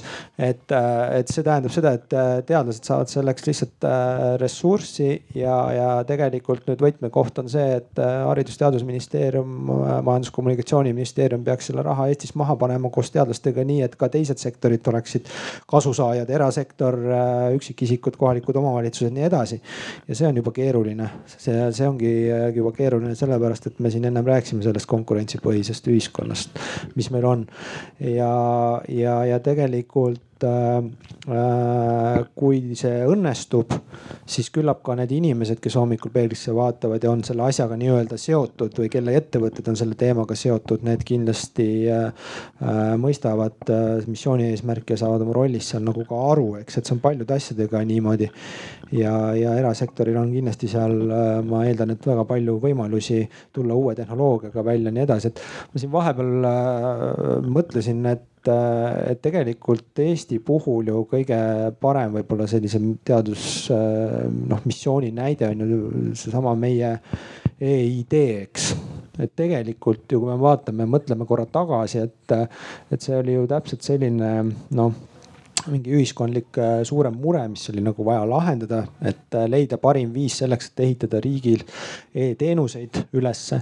ja sinna kaasati ju äh, lisaks selle nii-öelda poliitikutele või ametnikele ju noh, teadlased on seal taga, seal on erasektor taga, see on koostööprojekt olnud kogu aeg tänapäevani on see koostööprojekt, teadlased, krüpto, krüptograafid ju pidevalt ju äh, üritavad seda edasi arendada, üritavad seda murda, nii edasi äh,. erasektor on teenusepakkuja ja seal äh, sertifitseerimist erasektor pakub, eks äh, riik äh, teeb sinna oma teenused peale, avalikud e-teenused peale. et Eesti kontekstis on üks see suhteliselt selline hea näide, mis on meid liitnud ja tegelikult iga kodanik, äh, kellel see ID-kaart täna taskus on ju, tunnetab seda ju omal nahal, mida see tähendab, eks, et et oleks meil olnud ainult Hoidu kaks tuhat kaks äh, sõnastada see sellise missioonina, eks, aga noh, tookord äh, me ei hakanud niimoodi nagu otsima sellele mingisugust äh, sünonüümi. aga ma kohe küsiksin kohe edasi, et kas meil oleks selliseid asju nüüd vaja veel luua e-ID kõrvale Eesti arenguvajadustest lähtuvalt? Lisaks nendele Euroopa teadusmissioonidele? no muidugi, et äh, nagu Eestil on äh,, meil endal on umbes üheksa sellist arenguvajadust kaardistatud, et äh, mida ma siin mõnda ka nimetanud olen, seesama elanikkonna vananemine, rahva tervis, äh, kvaliteetne avalik ruum äh,, looduslik mitmekesisus äh,, ühiskondlik äh, suurem selline sidusus või ebavõrdsuse vähendamine ühiskonnas, et, et noh, need on tegelikult äh, need mured, äh, mis on sellised struktuurset laadi, et me ei saa neid lahendada ühe päevaga, aga tõenäoliselt me saame tänasega võrreldes teha midagi rohkemat, näiteks selleks, et suhteline vaesus Tallinnas ja versus siis äh, Valgamaal, noh, seal on neljakordne äh,, neljakordne vahe on jah. et, äh, et seda vähendada äh, ja sellega vältida seda, et, et meil mingid Eesti piirkonnad, äh, noh, see iseenesest äh, ebavõrdsus põhjustab erinevaid sotsiaalseid teisi probleeme. et, et need inimesed tunneksid ka ennast nagu päris Eesti kodanikena ja saaksid neid hüvesid nautida, mida, mida Tallinna-Harjumaa inimesed, et noh, seal kindlasti saab selliseid missioone luua ja, ja mõeldagi sellele, et mis on need lahendused siis selleks. no mina ütleks paar asja tähendab, kui tehnoloogia poolt vaadata, siis täna äh, iga inimese kohta kulutab haigekassa, tähendab kulutatakse tervishoiuteenuste peale umbes äh, tuhat kuussada eurot aastas. see oli paar aastat tagasi seal. nüüd nelisada sellest maksab inimene ise põhimõtteliselt. hambaravi ja need ravimid, mis ta ostab ja äh, mida ei toetata. see on üks asi. nüüd näiteks geenikaart kõikjale teha, maksis viiskümmend eurot. see on noh, viiekümne euro eest ei saa palju, tähendab, et äh, ma tahtsin alkoholi propageerida, aga viiekümne euro eest, ma ei tea, mis saab viiekümne euro eest, üks kord poes käia, võib-olla kaks korda. Ja ongi kogu lugu. Ja seda on vaja teha üks kord elus, sada viitkümmend eurot kulutada. et ja see võimaldaks meil ennustada, kellel on riskid ja siis ei oleks mingi probleem neid hoida, need kolm tuhat või, või palju surmasi ära, seepärast me saame varakult nende poole pöörduda teine asi on see, et oleks vaja tegelikult nende missioonide kohta ja vähimissiooni kohta eriti on vaja panna teavitusgrupp püsti, kaks inimest. üks pealik ja tema assistent ja kes teevad iga päev tööd selle nimel, et inimesteni jõuaks see info, et mammograafiasse tuleb minna, kolorektaalvähi screening tuleb minna, emakakaelavähi vaktsineerimisse tuleb minna ja prostata äh, antigeeni tuleks kontrollida ja nii edasi ja täna see ei jõua inimesteni kui ainult viiskümmend kolm protsenti naisi, keda kutsutakse kirjaga minna mammograafiasse, läheb. no mis värk see on? ja ta riskib ju oma eluga.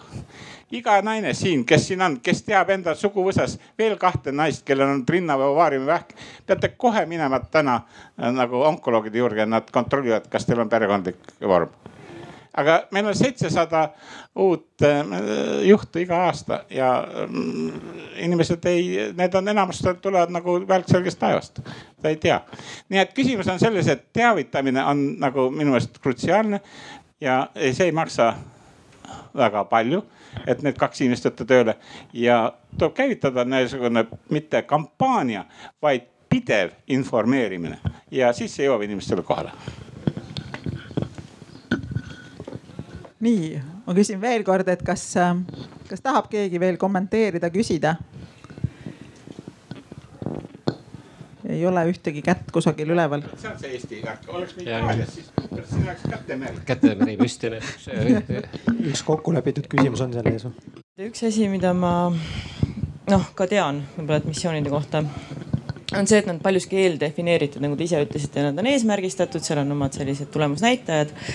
ja kui nüüd vaadata seda missiooni ja kogu seda kontseptsiooni nagu teadlaste poole pealt, siis minul tekib see küsimus, et kas ja kuidas mahub missioonidesse ära see blue sky research ehk et see uudishimupõhine lähenemine selleks on raamprogrammis minu arust ju mingid teised äh, allikad olemas rahastamiseks, Tiit saab paremini täpsustada ja vähimissioonil just see juhtuski, et meil esimene vähimissiooni äh, nõukogu esimees oli Nobeli laureaat Arnold Surhausen, balti-saksa päritolu, ema oli Riiast pärit, rääkis kodus vene keelt. aga ta oli kaheksakümmend pluss ja esimesel koosolekul kohe, kui tema on teadlane, eks sai Nobeli preemia ja ta ütles, et tahame teha seda, seda, seda. Komisjon ütles kohe, et äh, teadust on siin minimaalselt, tegeleme inimeste elude päästmisega. teaduse jaoks on meil raamprogrammid ja järgmiseks korraks oligi tal tervis nii kehva, et ta enam ei saanud seda komisjoni juhtida. Pidime leidma uue nagu äh, nõukogu esimehe. nii et äh, vastus on selles, et Blue Sky Research käib äh, ikka enamasti kuskil mujal, kuid alati on, ega siis äh, mõelda ja ei ole keelatud inimestel ja Blue Sky on ka vähimissioonides, seal on rekombinatsioon üks nagu soovitus üks on kohe, kus tuleb, kus on suhteliselt nagu vaba, võib pakkuda projekte välja äh, ikkagi, et aru saada vähi olemusest ja see on täna ikka veel väga keeruline ja ma arvan, et siin ongi nagu see õige ütlus, et kui, äh, kui me lähme suhteliselt lühikese aja jooksul, ütleme kümne aasta jooksul ühte probleemi lahendama, et siis äh, meil peab ikka nagu eesmärgiks me peame kasutama ära kogu olemasoleva teadmise, mis täna juba on. Eh, sest vastasel korral, kui me seda teadmist üldse ei ole, siis meil ei ole ka ilmselt mingisugust usku, et me selle kümne aastaga suudaks ära lahendada. aga samaaegselt hoiame nagu silma lahti, et kas on midagi siis sellest sinisest taevast või blue sky'st. on siis midagi nagu uut välja tulemas, nii et eh, ma millegipärast arvan tõesti, et pigem ikkagi nende missioonide puhul see vähene raha, see on mingi kümme protsenti vist kogu horisondi teatud osa osast, isegi üle, üle, üle programmi on ta isegi väiksem kui kümme protsenti, et ta ikkagi läheb sellise rohkem rakenduslikule suunale. ja siis see eh, Euroopa Teadusnõukogu või European Research Council on siis nagu see, mis siis, siis seda tõelist sihukest fundamentaalteadust äh, rahastab. küll aga, kui kellelgi on nagu väga nutikas mõte ja ta tuleb ja ütleb sellele missiooni äh, valitsejale, et noh, et selline asi, et selle asja ma tahan ära proovida. ja see on nagu lootusrikas, siis ma usun, et see rahastamata ei jää. aga ta nagu lihtsalt selline pott, et noh, mul on siin tahaks ühte mõtet ja teist mõtet ja kolmandat mõtet kontrollida, et siis, siis võib-olla tõesti jäävad need elud päästmata, et võib-olla saavad päästetud, võib-olla ei saa. et noh, natuke rohkem kontrolli, kontrolli siin. aga tõesti see Euroopa teaduse raamprogramm on väga erinevaid, seal on nagu tööstuse partnerlusi, seal on see Euroopa Innovatsiooninõukogu. seal on need missioonid, seal on see eh, fundamentaalteaduste osa, et seal igale ühele nagu mingit erinevat eh, nurka on. aga ma arvan, et see missioonipõhiselt, miks me sellest täna siin räägime, ongi nagu see, et, et nendes kohtades, kus nagu ma arvan, et Henri ütles väga õieti, et, eh, et see, see on meie riik, eks ole, see on, see on meie kätes. ja nüüd, et me ei kasutaks mitte seda Euroopa eelarvet nagu lihtsalt olemasolevat rahakotti, vaid ikkagi olemasolevat rahakotti nagu oma murede, oma soovide elluviimiseks. Ehk siis nagu need eh, Euroopa teadusrahasse, et sinna ka lähevad siis taotlused, mitte see, mida mul on huvitav äh, uurida, vaid ka selline, et mul on seda huvitav uurida, sest see võib lahendada ära mingisuguse, mingisuguse meile olulise probleemi. kas on veel tekkinud küsimusi? mõtteid? ei.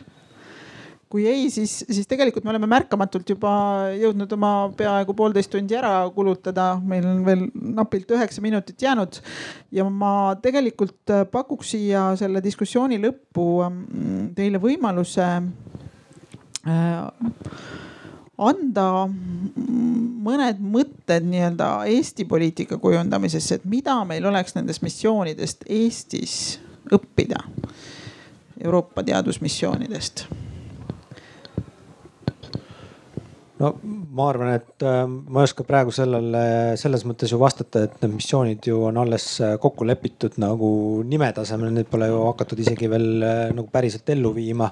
mistõttu on ju väga raske siit ju ka midagi noh, nii-öelda Eestisse kohe sisse tõmmata, aga, aga võib-olla noh, õppetund ongi see, et, et ega Eesti, mitte ainult Eesti, vaid, vaid noh, terve Euroopa liigub siis sellises riigivalitsemises, riigivalitsemise kultuuris kultuuris sellise probleemipõhise lahenduse suunas või, või mõtestab oma tegevust läbi siis selliste äh, probleemipõhiste lähenemiste, missioonide ja, ja selleks, et äh, just selliste suuremate muredega maailmas hakkama saada, on need siis kliimamuutused või, või mingisugune veeseisund või muldade seisund.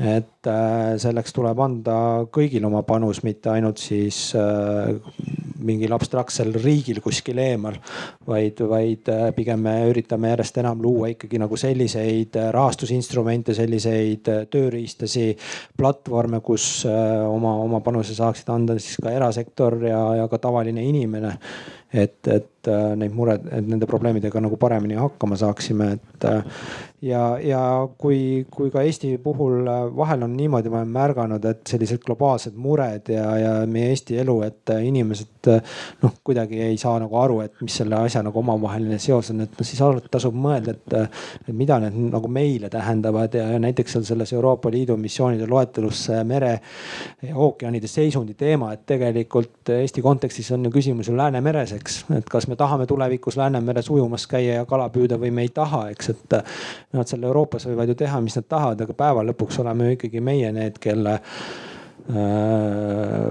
varvaste tagant see Läänemeri paistab, nii et.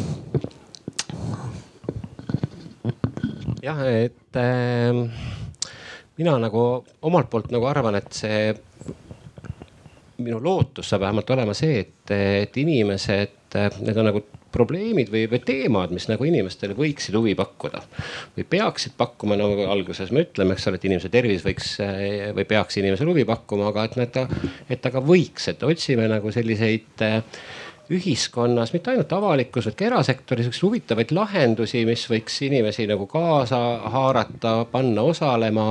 siin oli üks tore kodanike äh, osalusprojekt, oli teadusprojekt, kus Tartu linnas jagati tasuta maasikataimi ja siis korjati sügisel kokku ja siis vaadati, mis neist nagu saanud on.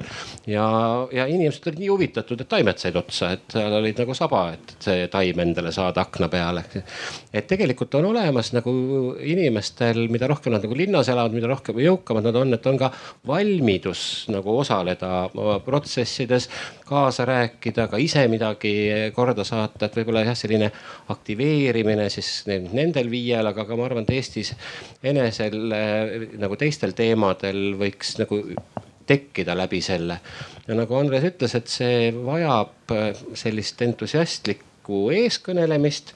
Äh, selle jaoks ikka raha leidub, et seda nagu rahaliselt toetada ja, ja üheskoos siis nagu toimetama asuda, et mul on nagu küll arvamus, et see on üks viis teha, äh, avada teadust ühiskonnale, ühiskonda tuua nagu teaduse juurde et see on selline, kuhu suunas me tasub minna ja üks asi, mis tõesti on nagu nende missioonide puhul, et, et me veel täpselt ei tea, et see on ka natuke nagu see tulevik, mida me asume ise kujundama. et kus ei ole sellist äh, otsest, et kuidas see täpselt on ja enne ma ei tee, kui sul, kui see ei ole see protsess paigas, eks ole, et me siis hakkame siis nagu seda päevast päeva leiutama äh,. tõesti rahaliselt siis loodetavasti järgmisel aastal siis nagu need esimesed äh, raha taotlusvoorud avanevad. ja mitte ainult teadlased, ka, ka ettevõtted on siis osalevad ja ka, ka siis avaliku sektori asutused, keda siis läbi selle siis toetatakse linnad, omavalitsused, ma usun, et ka riigiasutused plaanide seadmiseks, et see ongi selline ühine ühine protsess, mida pidi minema hakata ja siis nagu, nagu leiutada ja Eestil on võimalik sealt äh, kasu saada.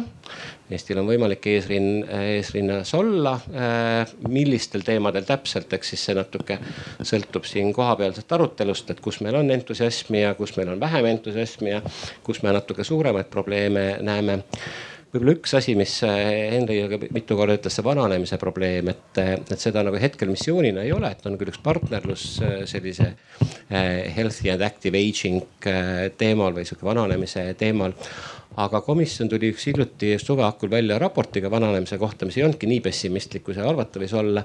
ja tuleb siis aasta lõpus nagu uue vananemisstrateegiaga, et siis on seal, siis tulevad nagu need sammud, et mida tegema peaks ja. ja ma olen nõus, et võib-olla siis vähemalt mingi aspekt sellest võiks olla üks väga tugevaid järgmise missiooni kandidaate, kui need, kui see esimene viie missiooni nii-öelda pilootfaas nagu läbi saab, et on see suunatud siis tulevikutööle, on see suunatud siis vana äh, sellise vananemisega kohanemisele. et eks seda näeb, aga, aga see on kindlasti üks teema, mis paljudest missioonidest siin ka, ka sellest vähimissioonist läbi, läbi jookseb. mul ei ole palju lisada juba, mis ma olen öelnud, aga ma ütlen, et koostööd on vaja rohkem teha ja, ja äh, algab juba inimestest, aga lõpeb ministeeriumitega. me peame riigis ka tegema rohkem koostööd, et ei oleks nagu barjäärid ministeeriumite vahel ja keegi ei raatsi seda eelarvet jagada kellegi teisega, igalühel on omad teemad, mida tahab teha. peab olema üldised teemad, mis mis on äh, vajalikud äh, teha Eestis ja kus on vaja mitme ministeeriumi panus. Need teemad tuleb identifitseerida ja need tuleb toetada niimoodi, et, et see ei sõltu nagu Äh, ainult sellest, et kui meil jääb midagi üle, vot siis me sinna anname. tähendab, kui MKM-il jääb midagi üle, mingit IT-raha, siis ta annab seda SM-ile või, või ATM-ile ja vastupidi. tähendab, peab olema ikkagi kokku lepitud, et siin läheb nii palju ühisesse kassasse ja teeme seda ära, kuna eesmärk on selline. aga ikkagi ma ütlen, et raha on tähtis. Ähm, kuid mitte kõige tähtsam, kõige tähtsam on ikka inimeste tahe midagi teha ja peab olema selge siht, kuhu minna, milleks ja kuidas. Ja keegi peab seda vedama. ja seda ei saa teha nii-öelda äh, nagu bürokraatlikult, keegi peab, peab leidma nagu laevale kapteni aitäh, ma arvan, et need olid kuldsed sõnad selle, selle arutelu lõpetamiseks. ma loodan, et te kõik saite siit äh, üht-teist tarkuseterasid kaasa. Äh, ja ma siiralt loodan, et homme hommikul te kõik vaatate ka peeglisse. mõtlete, et see on minu ülesanne ja see on minu riik, mida ma, mida ma siin muutma hakkan ja kakskümmend kükki nii, aga aitäh kõigile ähm, panelistidele